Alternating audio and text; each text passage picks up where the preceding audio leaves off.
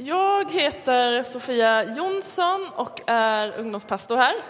Och jag brukar säga att jag är uppvuxen i Karlshamn i Blekinge, långt söderut.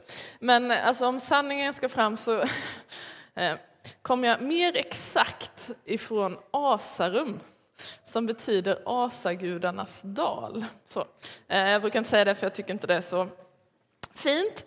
Men i alla fall i Asagudarnas dal och området runt omkring så grundades de första frikyrkorna av fiskare och öbor som åkte in till stan och berättade om Jesus. Eh, för de hade liksom funnit någonting, de hade funnit en, en skatt och så ville de berätta om det. Och det är jag väldigt, väldigt tacksam för, för det gör ju att jag är här idag. Eh, och evangelierna i Bibeln som berättar om Jesu liv berättar också om hur de första som följde Jesus var just fiskare. Fiskare verkar verkligen vara bra på att följa Jesus. Eh, och det finns flera berättelser i Bibeln då som handlar om Jesus och de här fiskarna. Inte en fisk, alltså fisk, ni fattar. Ja. Eh, Eh, och jag har tänkt på en av de här berättelserna de senaste veckorna och hur sjukt konstig den är, nämligen berättelsen om hur Jesus går på vatten. Det är en riktigt konstig berättelse. Och nu kanske du sitter här och tänker, ja, jag håller med. Hur kan Jesus gå på vattnet? Och det är inte riktigt det som är mitt problem. För vi som kristna tror ju att Jesus var Gud och människa, så då tänker jag, ja, men det, det borde gå att lösa.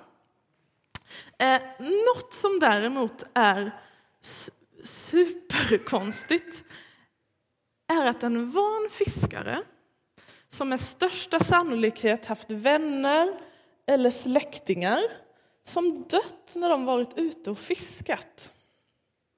Hur kan en van fiskare få för sig att, att, att försöka gå på vatten?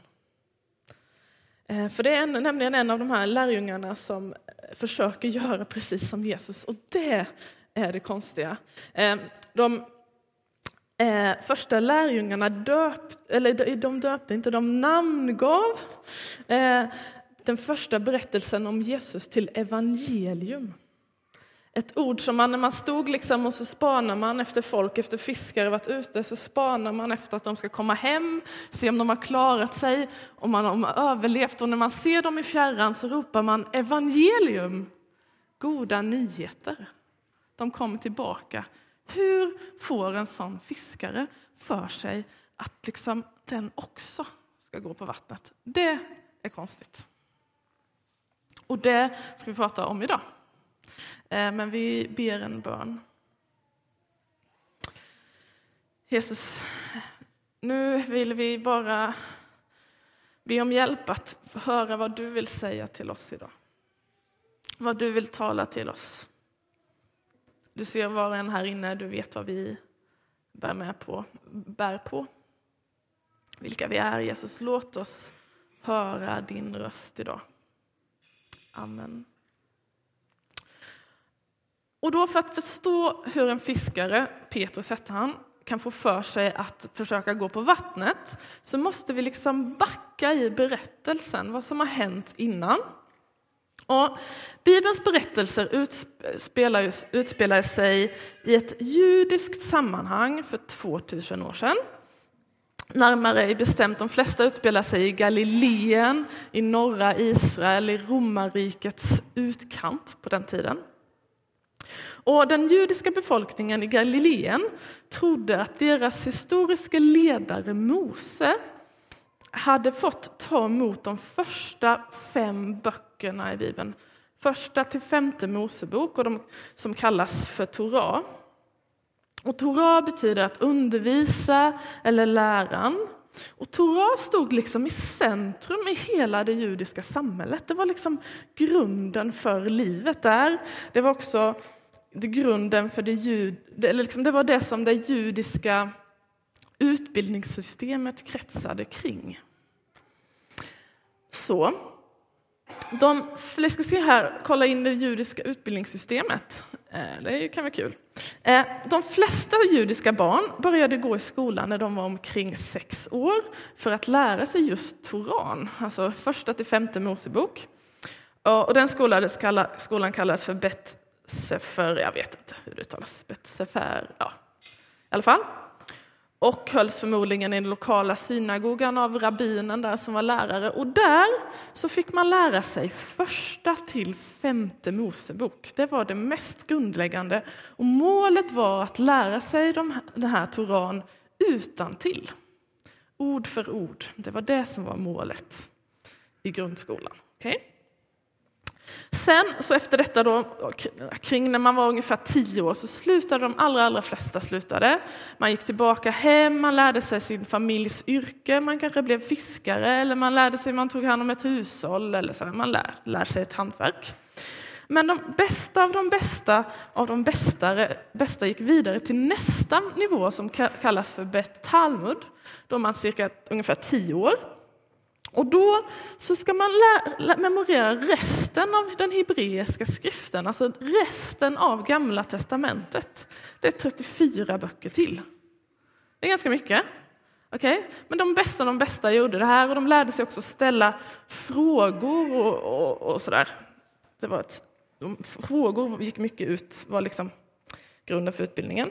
Och där slutade man när man var 14-15 år någonting.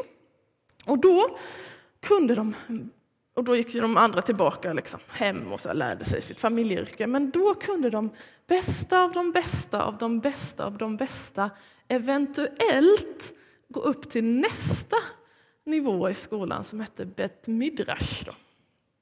Och de Bet Midrash innebar att du kunde gå till en rabbin, en judisk lärare och ansöka om att bli rabbinens lärjunge.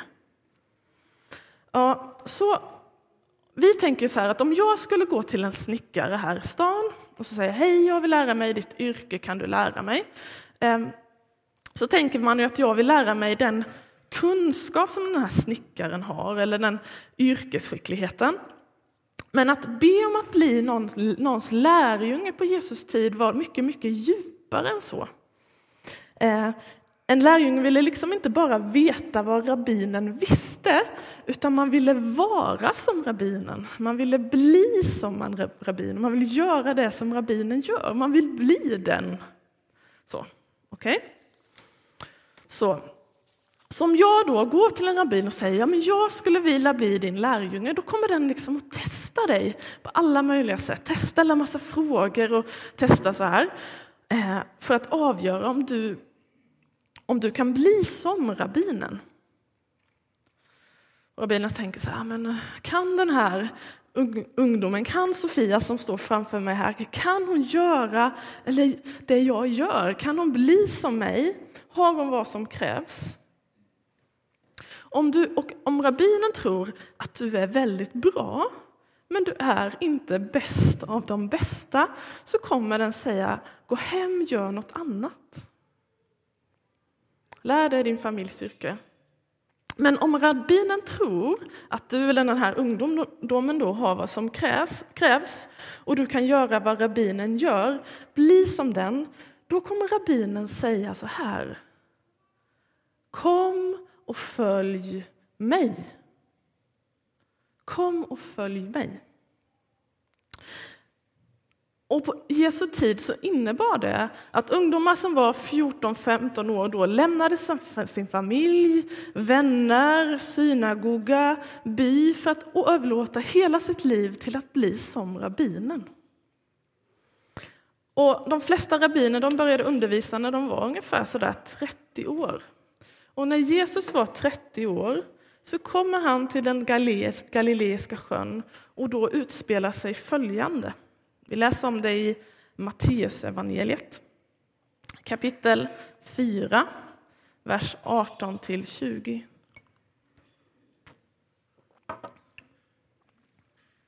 När han, Jesus, vandrade ut med Galileiska sjön fick han se två bröder, Simon som kallas Petrus och hans bror Andreas.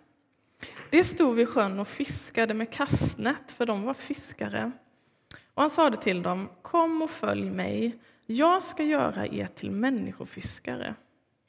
Och de lämnade genast sina nät och följde honom. Alltså, Andreas och Petrus är fiskare. Alltså, de följde alltså ingen rabbin. Så de hade inte nått högsta nivån, eller man ska säga. De hade gått tillbaka och lärt sig förmodligen familjeyrket efter skolan. Sådär. Och de var inte de bästa av de bästa, de var liksom en i mängden. En av vem som helst egentligen kan man säga. Och till dem säger Jesus, kom och följ mig. Alltså det är ju inte konstigt att de tar den chansen. Eh, så de liksom lämnar allt de har. För det var ju de bästa av de bästa av de bästa av de bästa av de bästa av de bästa av de bästa som kunde bli rabbiner. Alltså det var det mest ärofyllda och högsta man kunde bli. Och så kommer en rabbin till dem och säger kom och följ mig. Jag tror att ni kan bli som mig. Klart man hänger på. Eller vet, alltså, ja. Okej. Okay. Så tillbaka till båten. Med de här fiskarna i. Med liksom vanliga människor, det är inga särskilda människor, Jesu lärjungar. Det är natt, vinden blåser, vågorna blåser och plötsligt så kommer Jesus gående på vattnet. Jesus var inte med i båten, han kom gående och lärjungarna blir rädda. De tror att han är något spöke eller något, någonting. Men så säger i alla fall Petrus, Herre, om det är du, så säg åt mig att komma till dig på vattnet. Alltså Petrus är en lärjunge, hela hans liv kretsar kring att bli som Jesus. Så går Jesus på vattnet så vill Petrus också gå på vattnet, det är det som det går ut på. Men han gör det inte om hans mästare inte säger till honom kom och följ mig. Och det Jesus säger då är just kom.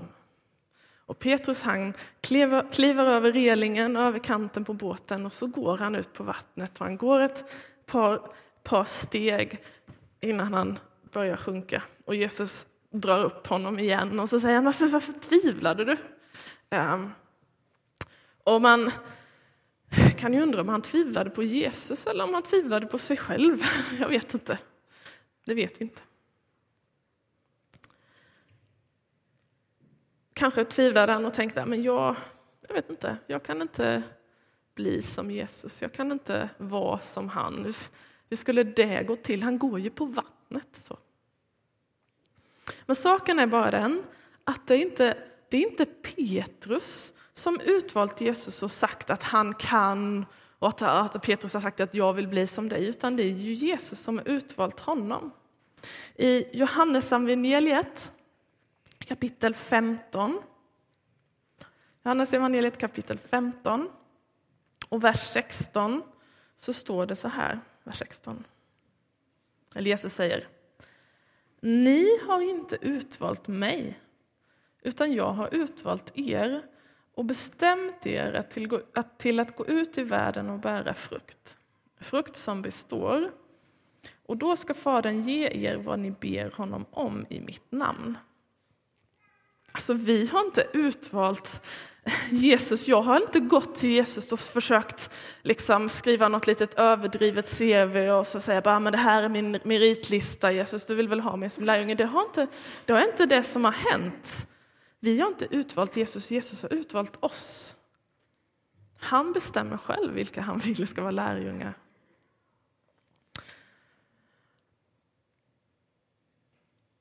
Och Jesus säger, men följ mig med hela ditt liv, med hela din värld. Och det är ju det som den här gudstjänstserien i januari handlat om, att följa Jesus med hela min, min värld.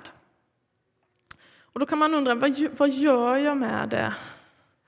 Att Jesus utmanar oss för att följa honom med hela vår värld. Jag vet ju att eh, livet är ju lite som det är, så jag tänker mig inte att alla här inne har varit på alla gudstjänster gudstjänst i januari. Men om det hade varit det hade det varit fantastiskt. Det hade varit väldigt bra. Men vi säger att du har varit på alla gudstjänster här i januari. Eh, Och det började med att du har känt dig då utmanad att följa Jesus med hela din värj, värj, värld. Eh, först hörde du i så fall predikan om att älska Gud med hela din vilja, med dina känslor, med din personlighet, med din för, ditt förstånd och med din, med din kraft. Kanske det utmanade dig till att, liksom, att kärleken till Gud skulle få bli bredare, alltså på fler områden i ditt liv. Eh, veckan efter kanske du som jag hänfördes av berättelsen om pärlan fick syn på vilken skatt Jesus är och hur fantastisk du är. Och då tänkte jag, men jag måste bara ha honom. Jag satt här på första bänk och lyssnade och tänkte, den där pärlan vill jag ha. Och sen bara, jag har den redan. Kom jag på. Ja, kanske var du med om det också. Och så var du här förra veckan och utmanades att avstå från små, små saker för att vinna det stora. Bakom alla stora ja finns många små nej, sa vi då. Och vad gör vi liksom med hela den här utmaningen med den här lockelsen? Och det finns säkert flera svar på det.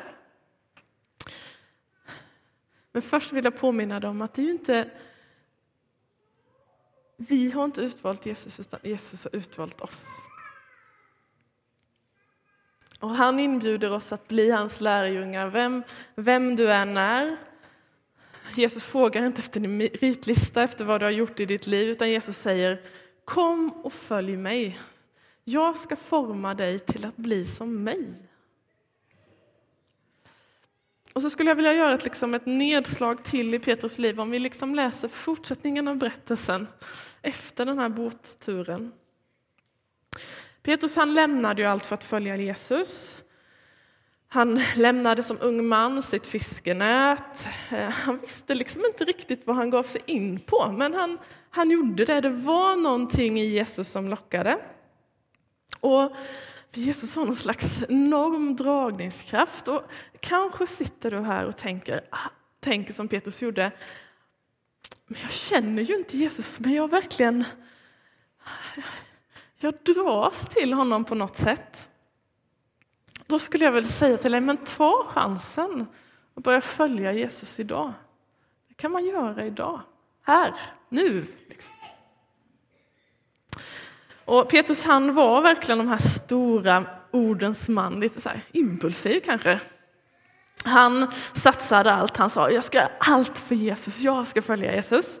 Eh, och så kanske du sitter här inne och tänker, ja men en gång i din ungdom kanske, jag vet inte, eller nyss, så sa du också så, men jag ska göra allt, jag ska satsa, jag ska följa Jesus. Eller, och så. Du ville det, eller du önskade att du ville det, eller något, något åt det hållet.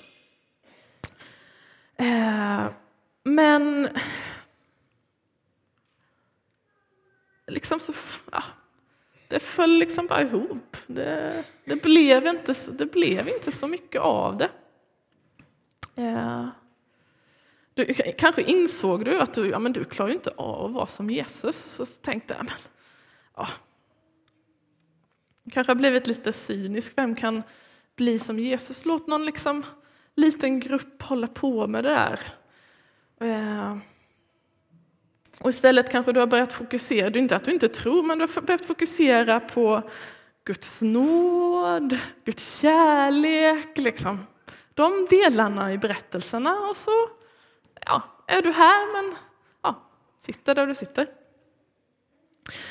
Men då, vad är det som händer med Jesus, eller med Petrus efter att Jesus kallat honom? Jo, efter att Jesus sagt kom och följ mig, gör han liksom, han, han går igång, han gör allt han kan för att bli som Jesus och han får se hur Gud använder honom. Hur Jesus använder honom. Han ber för sjuka som blir friska, han berättar om Jesus och de kommer till tro. Han blir en mer generös person, han börjar se på människor annorlunda. Men så är det ju också så att han sjunker. Alltså han sjunker på vattnet. Eh, han, eh, vid Jesu liksom korsfästelse och den, hela den berättelsen så förnekar han honom tre gånger. Han säger att ja, men jag känner inte ens honom och han skulle ju bli som Jesus. Och så ja, gick det sådär. Och då om jag hade varit Petrus, eller om man tittar på sig själv, så skulle man kunna tänka vid den där punkten. Ah, men jag har försökt att följa Jesus och så blir det inte så. Bara, men vi struntar i det. Alltså, vad är det för struntprat liksom? Men så vill inte Jesus att vi ska göra. Och därför så möter Jesus Petrus efter sin död och uppståndelse ännu en gång, igen vid stranden vid Galileiska sjön. Och eh, det är en stukad Petrus som möter Jesus. Eh, och då kommer Jesus inte med massa pekpinnar, inte med massa så här, du borde vetat bättre grejen, utan han går tillbaka till det viktigaste budet, det som den här predikoserien började i. Och det är frågan, älskar du mig? Det är det viktigaste. Han går tillbaka till grunden och Jesus frågar Petrus tre gånger, älskar du mig? Och Petrus ord är på något sätt, de är inte lika starka, han tar inte i lika, han säger, ja men Jesus du vet att jag har dig du vet att jag har dig kär. Och med den bekännelsen i ryggen så säger Jesus till Petrus så här i Johannes evangeliet kapitel 21 och vers 17 till 19, fast bara sista raden på 17.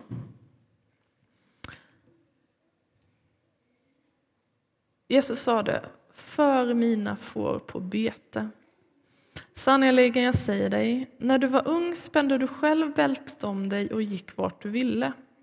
Men när du blir gammal ska du sträcka ut dina armar och någon annan ska spänna bältet om dig och föra dig dit du inte vill. Så angav han med för slags död Petrus skulle förhärliga Gud. Sedan sade han till honom, följ mig. Och det som händer med Petrus, det är att han mitt i görandet upptäcker nåden och förlåtelsen på riktigt. Han upptäcker Jesu gränslösa, kravbefriande kärlek.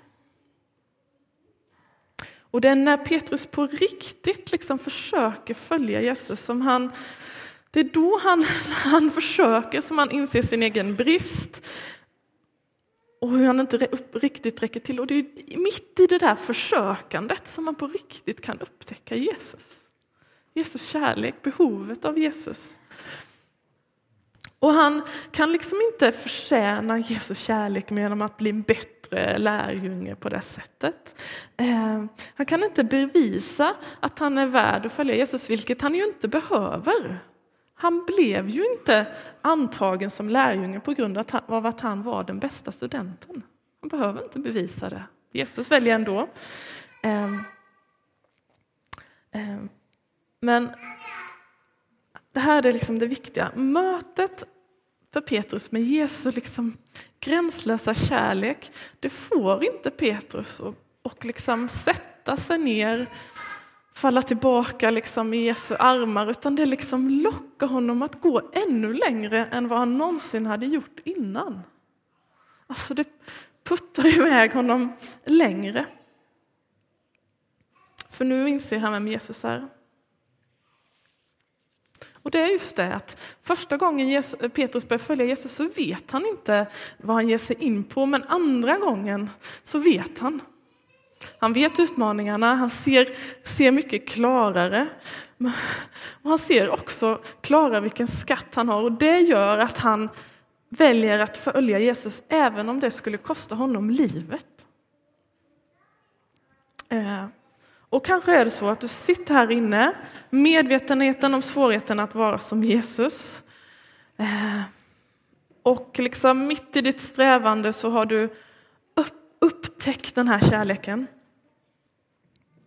Tänk dig, tänk om den upptäckten är tänkt att få dig att gå ännu längre och inte stanna. Tänk, tänk om det är så.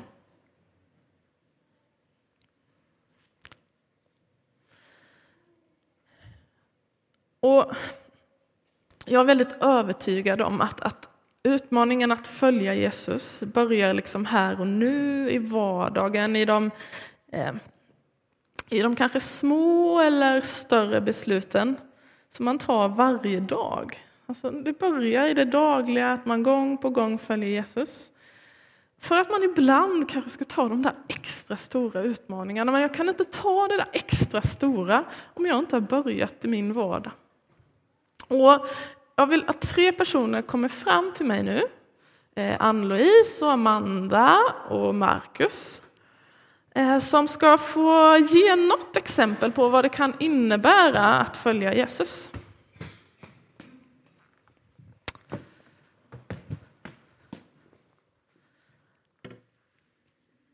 Spännande. Amanda, du kanske kan få börja. Du är ju en av ungdomarna här och är med i en cellgrupp eller en slags bön eller samtalsgrupp tillsammans med Ryttargårdskyrkan, Johanneskyrkan och Citykyrkan. Och jag undrar vad som hände i er cellgrupp i höstas? Hallå! Jag är då med i en cellgrupp och vi har som rutin i vår cellgrupp att vi ger oss själva eller ibland Gud utmaningar som vi ska göra under veckan eller som vi vill att han gör under veckan. Och just den här veckan då hade vi som utmaning att eh, vi ville ha tillfällen att berätta om Gud. Att för folk i vår närhet eller människor vi inte brukar prata med, att berätta vem Gud är liksom. Och att Gud ger oss vad vi ska säga till de här människorna så att det blir bra liksom. Och så gick veckan och när vi träffas nästa vecka så ska vi berätta för varandra vad vi fått uppleva. Men eh, alla säger liksom i stort sett att jag har inte fått göra någonting. Jag har väntat och väntat och hoppats, men det har inte hänt någonting. Det var nog faktiskt bara jag som hade någonting planerat att det här har hänt mig. Så jag började berätta och eh, medan jag berättar var det som att ett ljus, det gick som en linje i alla i cellgruppen, även de som inte var på förra cellgruppen som inte visste om att det här var liksom utmaningen de fick också liksom som ett ljus i sig att jo men vänta lite nu. Jag har fått göra det här. Jag har fått säga det här. På vägen till cellgruppen fick jag prata med någon på bussen om det här och jag har sagt det här liksom. Så alla i rummet hade haft minst en sak att dela med oss andra. Att det här har jag fått göra, det här tillfället har jag fått av Gud och det kändes bra. Gud sa till mig vad jag skulle säga. Personen vi pratade med lyssnade och det var en väldigt häftig insikt för oss i C-gruppen att det här med att du kanske inte förstår nu, men du kommer förstå senare. Så det var häftigt. Visst är det häftigt? Att Gud liksom är med fast man inte fattar det själv. Det tycker jag är kul. Eh, Marcus, du ska få säga. Du, eh, kan du berätta om din väg till att bli konfaledare? Hur kommer det sig? Eh, jo, eh, jag, jag, kände, jag kände att eh, det var någonting här inne som, eh, ja, jag visste inte vad det var, men eh, någonting som Gud ville att jag skulle göra. Eh, så jag gick fram för förbön många gånger här i kyrkan och Rosa och några andra bad för mig. Och, ja, det var någon som sa att ja, men det, det är någonting med barn och ungdom som du ska jobba med. Ehm, och jag bara, nej, jag är ing, absolut ingen typisk ungdoms eller barnledare. Eh, så att det gick ett tag och så, ja, jag la det i Guds händer och lät det vila. Eh, men sen på en söndagsgudstjänst så, eh, kom, så hade jag bett innan, så här, Gud nu måste du visa vad det är du vill. Och då kom Sofia fram till mig precis då och sa, eh, Marcus, jag tror du ska bli konfaledare. Ehm, och då, jag minns inte om, men jag sa nog bara jaha, okej. Okay. Eh, och så blev jag det och jag har hållit på med det i fyra år. Och eh, jag är fortfarande ingen typisk eh, ungdomsledare men jag fixar och donar med praktiska grejer och älskar varje tisdag som jag kommer dit. Ehm, och Gud brukar lägga alltid någon på hjärtat så här som jag ska be för under veckan. Ja, så att det är liksom bra. Ja, det är verkligen fantastiskt att Marcus har kommit och blivit konfaledare. Det är liksom, bara yes, jag har Marcus. Det är sant alltså, det är grymt. Eh, Ann-Louise, eh, Det blir ju konstigt. Jag behöver inte... Nu så. Mm. Jag behöver inte den micken. Jag glömde det. Eh. För ungefär två år sedan så flyttade helt plötsligt en mamma med barn in hos er. Eh, hur kommer det sig? Eh, ja, jag kan ju säga först bara eh, att jag är helt vanlig och jag bor i en helt vanlig familj. Så att, ja, vi är precis vanliga. Det kom en fråga här i kyrkan. Nu behöver en mamma och ett barn någonstans att bo. Och eftersom jag är precis vanlig så tänker man ju att det där är inte något för oss, eller vi, vi är inte sådana. Ehm, men sen så mm, eh, skulle vår ena dotter flytta ut och läsa och den andra sen också. Och sådär. Eh, och eh, då vart vi utmanade av vår äldsta dotter som sa men mamma och pappa, nu flyttar jag, då har ju ni ett rum över. Ja, ja, fast ja. Men ja, ja. Och så vart vi påminda igen av henne att har, har ni gjort någonting åt det där? Ja, och sen så bara ja, sa vi att vi kan väl erbjuda det där rummet och sen så blev det så. Just det. Jag får mig att det nästan blev så här på ett par timmar bara att ni, de flyttade in sen, eller hur var det där? Ja, precis. Och det, det var kanske bra för att eh, ibland är man ju så, så liksom det ska analyseras och det ska eh, göras sådana här eh, beräkningar framåt. Hur, hur blir det här i, i, om en vecka, om några månader, om ett år? Eh, men det hanns inte med, utan vi bara tog det som det var och eh, ja, det funkar bra. Jag har bara en fråga. Så jag har funderat på det här om man ska ha någon som bor hos sig som man inte liksom känner och man kan inte språket. Hur gör man om man typ har någon så här fredagsmysrutin och så ska någon annan vara med? Eller hur har ni hanterat sådana grejer? Ni kanske inte har just det? Men... Ja, men det var... Allting blir ju lite annorlunda eh, fast man försöker leva så vanligt och göra så vanligt som möjligt. Eh, först är det spännande och så. Sen kommer man in i en annan fas att det gnager lite och lite så. Kanske mest det där att att eh, man umgås med någon så där nära fast man inte har varit med från början. Man har inte det där, eh, den där eh, liksom, historien tillsammans. Ehm, och det är nog jättebra att lära sig och anpassa sig. Det kan man se nu efteråt i alla fall. Att eh, eh, ja, men det, det växer man av som människa och det, eh, man kan behöva lite extra liksom, eh, nyp i nacken och rycka upp sig och så faktiskt. Eh, och sen så har jag upplevt att man får ju inte större eh, uppgift än man klarar av. Eh, visst finns det rädslor när man går in i, i sådana här saker, men eh, på något sätt så får man inte större uppgift än man klarar av. Yes. Tack så mycket för alla era berättelser. En applåd nästan, tycker jag.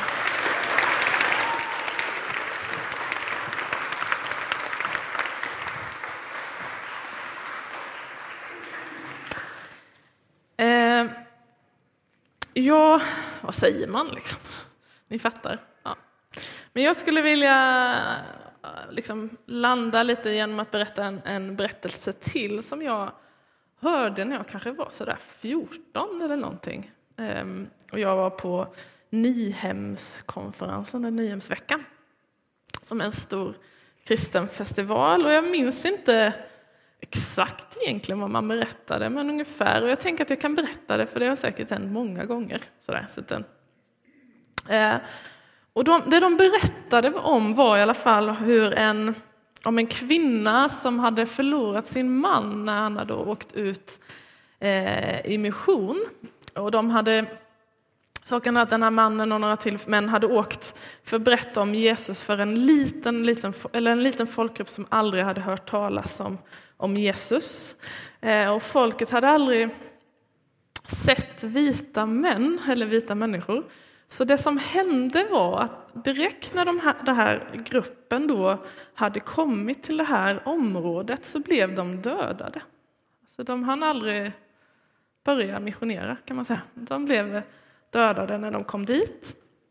Och då efteråt så intervjuade en person frun eh, och, och frågade liksom, men hur är det att, att din man dog ute så här, missionen på det där sättet? Känns det inte lite meningslöst på något sätt? Och då sa hon, och det är det här jag kommer ihåg, då sa hon min man dog inte där och, och intervjuaren bara, vadå, är du sinnessjuk? Liksom. Nej, hon sa, min man dog inte där. Han dog när han som ung grabb böjde knä vid sin säng och sa att han ville följa Jesus. Där lämnade han hela sitt liv i Jesu händer. Och jag tänker att den stora efterföljelsen att följa Jesus börjar inte när man står inför döden för sin tro. Den börjar i det mycket, mycket tidigare, i de vardagliga och dagliga besluten att följa Jesus. Det tror jag. Och Jesus säger så här till oss här inne. Eh, kom och följ mig. Eh, och kanske hör du det för första gången eller för tusende eller ja, hur många. Eh, och vi ska efter att jag har bett så ska vi sjunga en sång tillsammans som vi brukar sjunga i den här kyrkan vid dop. Jag har beslutat att följa Jesus och aldrig mer tillbaka gå. Och jag skulle vilja uppmuntra dig att sjunga med i den sången om du för första gången skulle vilja säga jag vill börja följa Jesus, jag vill tro på Jesus. Men också så vill jag uppmuntra dig på ett särskilt sätt sjunga med för att påminna dig om att säga jag har beslutat att följa Jesus och aldrig mer tillbaka gå. Och kanske ska denna sången denna gången utmana dig att gå ännu längre än första gången då du började följa Jesus. Jesus, tack för att du, det är inte vi som har utvalt dig, utan du har utvalt oss. Tack för att du säger oss till oss vanliga. Kom och följ mig. Och jag ska göra er till människofiskare. Tack för att det är du som vill forma oss till att bli lika dig. Du ser dem som sitter här inne som liksom bara känner hur du bultar i hjärtat och tänker att jag skulle vilja ha den där Jesus. Tack för att du tar emot den personen när den säger Jesus, jag vill tro på dig, jag vill följa dig, jag vill att du ska vara Herre i mitt liv. Och så ber jag för oss som kanske känner särskilt att jag skulle vilja ta upp den där efterföljelsen ännu mer igen. Hjälp oss att följa dig, att gå vart du kallar oss. Tack för att vi också får upptäcka din kärlek och din nåd, vad det är att liksom vara älskad när vi inte räcker till, Gud. Jag ber att den ska locka oss ännu närmare dig och att du ska göra oss lika dig. Amen.